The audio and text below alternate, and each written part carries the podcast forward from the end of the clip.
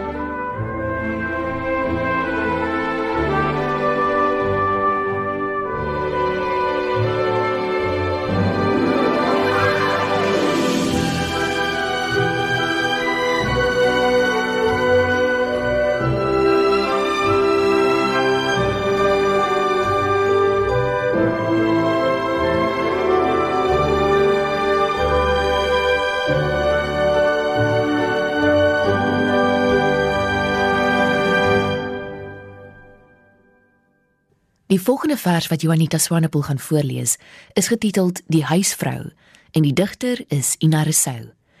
Ek herroep haar woorde in die gedig Sondag op Stellenbosch uit die bundel Die verlate tuin. Die vroue moet die tafels dek vir môre vroeg. Die mans gaan slaap, vermoeid van al die rus. Dit dan net so tong in die kies vir ons tema vanaand. Kom ons luister nou na die huisvrou. Die huisvrou loop deur die tuin met haar skêr. Die lemme blits en knip. Dan dra sy die dragte maskusrose na die spoelkombuis. Was dit die broos rafelpunte van die stengels kneus. Die vaatbundels tretter en versteur en alles in 'n erdebeker skik. Tussen spykers ingedruk, geruk uit hul vertroude lig en landskap, wortelloos die vloei van hulle sap belemmer, kwyn hulle weg in ballingskap. Sy neem die heel blomkoolkop. Haar mes gly deur die parenchym van stronk, blomaggregaat en steel. Sy dissekteer die weefsel. Verdeel die wit verwikkelde infloressensie in dwergboompies waarmee sy speel 'n oomblik lank, half in gedagte voor sy die lewe in hulle blus met water van 100 grade Celsius. Sy neem die vis en kap sy stert af. Smak dit op die droogplank neer, 'n fyn geribde silwer waaiertjie. Dan kap haar kap mes die kop af en krap dit op sy kru afvalstof. Die dooie oog is soos 'n muntstuk dof. Sy blik bly strak op haar gerig vanuit die koue blad aluminium gesig. Ek dink nou onwillekeurig aan Emmy Rotman se woorde in gesprek met Elise Botha. Die vrou is die aankantmaker van die wêreld. Kom ons luister nou na 'n gedig deur Susan Smith. Dit sê iets van ons vroue se verweefdheid aan mekaar oor die geslagte heen. Iets anders as wat Oscar Wilde gesê het, toe hy gesê het alle vroue raak soos hulle maas, dit is hulle tragedie. Mans doen dit nie. En dit is hulle sin. Hierdie gedig is baie gepas getiteld Patroon. Mamma Jy brei en mos steek in kabels vir my 'n arend trui. Steek vir steek trek die drade ons hegter by mekaar. So met die woldraad om pinkie en wysvinger gehak, brei jy stories en familievertelle uit die voortye los. Regs en averegs alternatiefelik en eindig altyd weer die laaste steek regs. Herhaal die ry. Mos steek. En wanneer jy 3 steke op 'n derde naald glip en die volgende 3 regs brei, dan die derde naald se 3 regs bo die ander brei, begin 'n kabel vorm kry. Hou vir 6 rye by die vaste patroon en glip dan weer soos hierbo aangetoon. Met die aangee van die patroon van jou na my word ons aard soos geboortereg aan mekaar vasgebrei. Ek brei vir my dogter 'n trui. 'n Patrone van my ma af oorgeerf. Regs en averegs alternatiefelik en eindig altyd weer die laaste steek regs. Herhaal die ry. Mos steek. En wanneer jy 3 steke op 'n derde naald glip en die volgende 3 regs brei, dan die derde naald se 3 regs bo oor die ander brei, begin 'n kabel vorm kry hou vir 6 rye by die vaste patroon en glip dan weer soos hierbo aangetoon. Maak nou toe jou oë. My patroon, my kind. Laat jou hande oor die knobbelkabels gly. Voel die breidrade praat. Want elke steekie is met boodskappe en wense vir jou ingevul. Kyk, Hierdie klein steekies maak ek. Hierdie pitsteekies is vir jou. Dit maak jou sterk. Jy sal verander. Aanstoons is die trui te klein. Maar onthou, jy spruit uit bloed en woord en uit elke woord deur geslagte aangegee en ingewerk.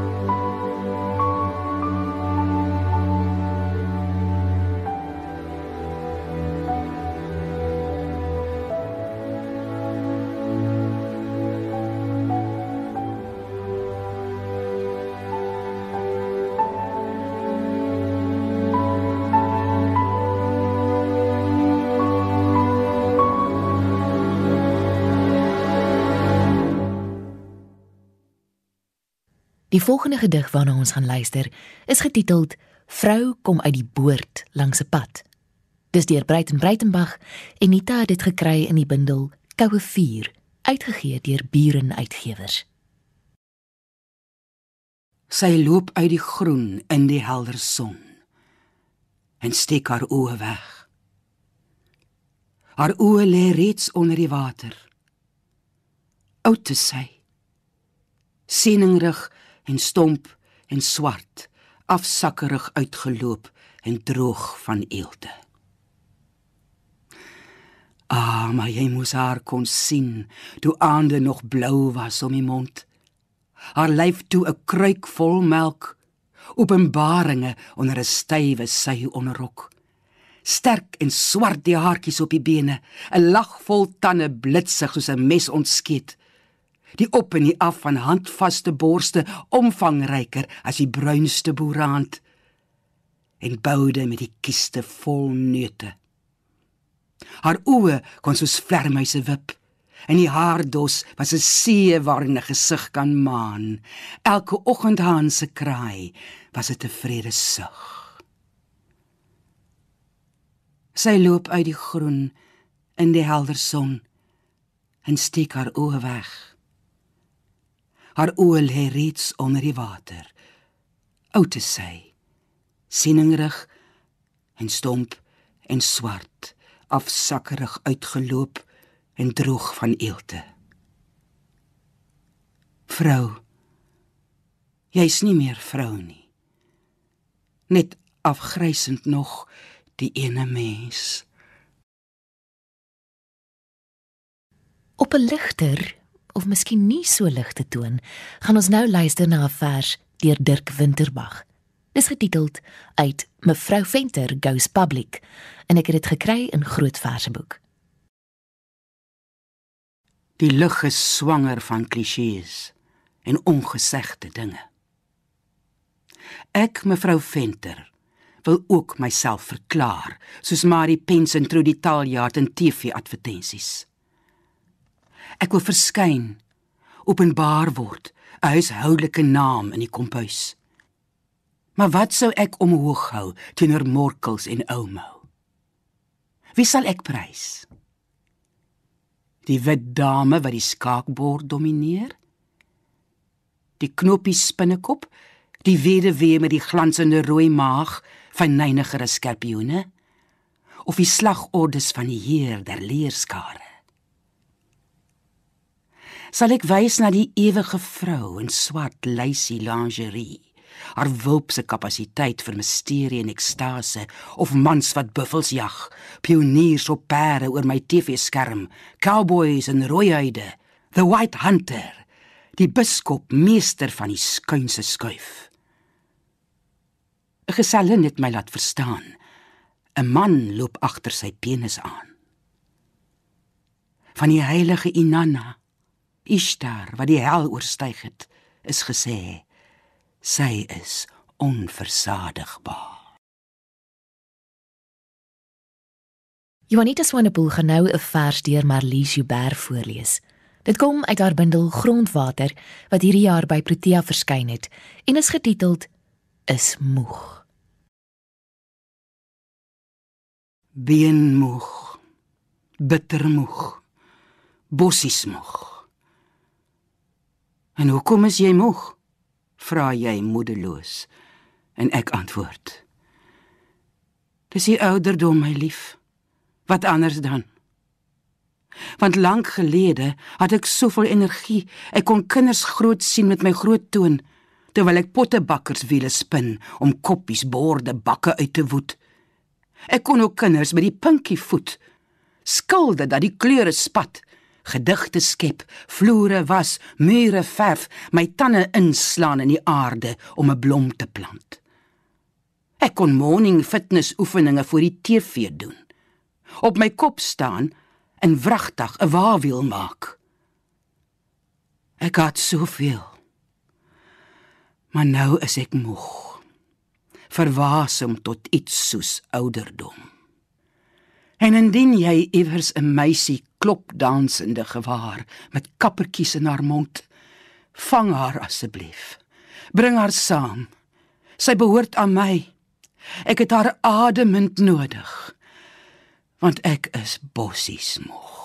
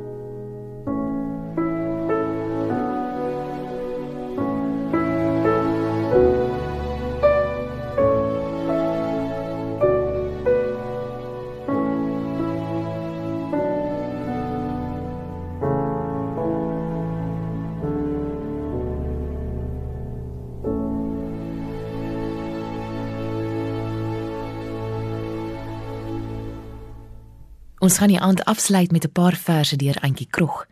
Toe sy in 'n heel ander fase van haar lewe en vrou wees was as nou, of as die een wat Marlies Joubert vroeër so helder beskryf het. By baie digters leer mens skryf en by party leer mens ook leef. Ek en my vriendinne leer dikwels ook leef uit die bundel van Antjie Krog wat reeds in 1981 verskyn het, die jaar toe ek gebore is en nog nooit sy relevantie verloor het nie. Ons gaan nou luister na drie gedigte uit hierdie einste bundel, Otters in Bronslaai, uitgegee deur Iman en Resou. Oor vrou wees, iemand se vrou wees, ma wees en mens wees. Juanita gaan begin met die gedig by die geboorte van my kinders en die lees van Sylvia Plath. Dan gaan sy die gedig familieresep voorlees en eindig met Met hulle is ek. Alles deur Antjie Krog.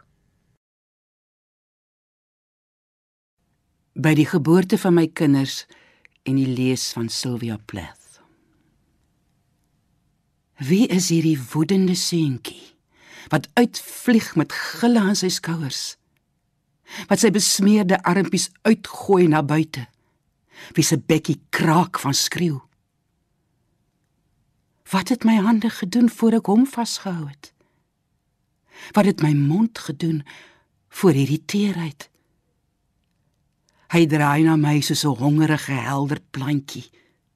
Sy neus maak 'n duikie in my bors wat na die eerste suig skiet gee en sag word soos 'n diertjie wat die gesiggie oorvloei met melk. Wie is hierdie vreeslike dogtertjie? haar rooi gesiggie geskroef om elke gil. Trane spat van haar woedende wangetjies, haar vuiste trippel beskuldigend oor die vloer. Waarom is hulle so kwaai? Waarom is hulle klanke so helder, so vol protes hulle vloeiende blou oogies? In die gedempte babakamer lê hulle in eenerse pia oogkleertjies. Hulle gewrigte reeds geknel met name. Hulle ooglede lê deur skynend soos roosblare. Hulle asems ritsel sag soos motte. Wat anders kan ek doen as bid dat hulle nooit buitengewoon sal wees nie. Dat hulle eenvoudig sal lief hê en onbevange sal leef. En dat hulle my sal onthou soos 'n warm heuwel. En hoe lief my hande was vir elke gladde ronding van hul lyfies. Familieresep. Wat was daar in die hand van my ouma? Wat pastykorse eierwit lig kon vou. Melkterte kon vul met die heil genot van manna. Wat brode oornag smils kon laat uitbou uit haar valpanne. Wat was daar in die hand van my ouma wat sjokoladekoeke soos dons komberse kon uitkeer? Met 'n houtlepel botter blitsig ommasseer tot room wat vier goed gespasieerde kinders gehad het. Wat is daar in my hand dat eiergeel en wit altyd deurmekaar loop? Dat geen brood of koek of beskuit mollig uit my nuwe pannetjies wil reis nie dat ek geen uithaler dis het nie. In elke geboorte induksies, epidurale, tange en suiers benodig. Ek kyk af na my platgevalle borste, my klonterige maag, die uitgesakte houtlepel van my heupe, my biltongbruin kuite. En ek dink aan ouma se boarms in groot sagte skoot. Dalk omdat sy Shelley uit klein fluweelboekies gelees het en Keats tussen haar voorslagresepte aangehaal het sou my maar verbroude hand haar tog vandag plesier verskaf het. Met hulle is ek. Met hulle is ek. Al die maier maas dinsdagoggende by die baba kliniek. Al die ma's op hulle knieë voor die kinderbiblioteek rak. Al die ma's wat Sondag verkrekel uit die babakamer kom. Al die ma's wat saans voor die noodapteek wag. Al die ma's wat gebak skool toe moet stuur. Al die ma's wat uitvind niks haal doekvlekke uit behalwe juk nie. Al die ma's wat hulle arms teen oondeure brand. Al die ma's wat nie hul kinders sonder 'n bediende kan grootmaak nie. Al die ma's wie se kinders hakkel of bednat maak. Al die ma's wat skoondogters en lamlendig is. Uit hierdie vrouens is nie eens kinders te maak nie en God weet ook nie poesie nie.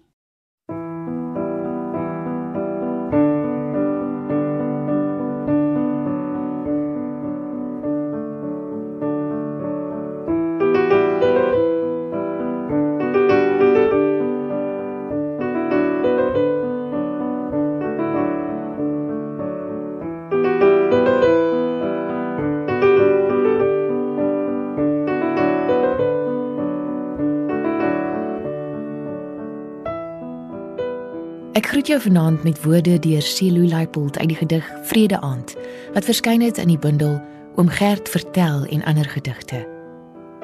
Waak oor die stem. Let op die siel. Behou die beste wat ons nasie het. Die vrou. Van my en ons musiekregisseur Herman Stein, 'n heerlike aand vir jou verder. Totsiens, tot 'n volgende keer.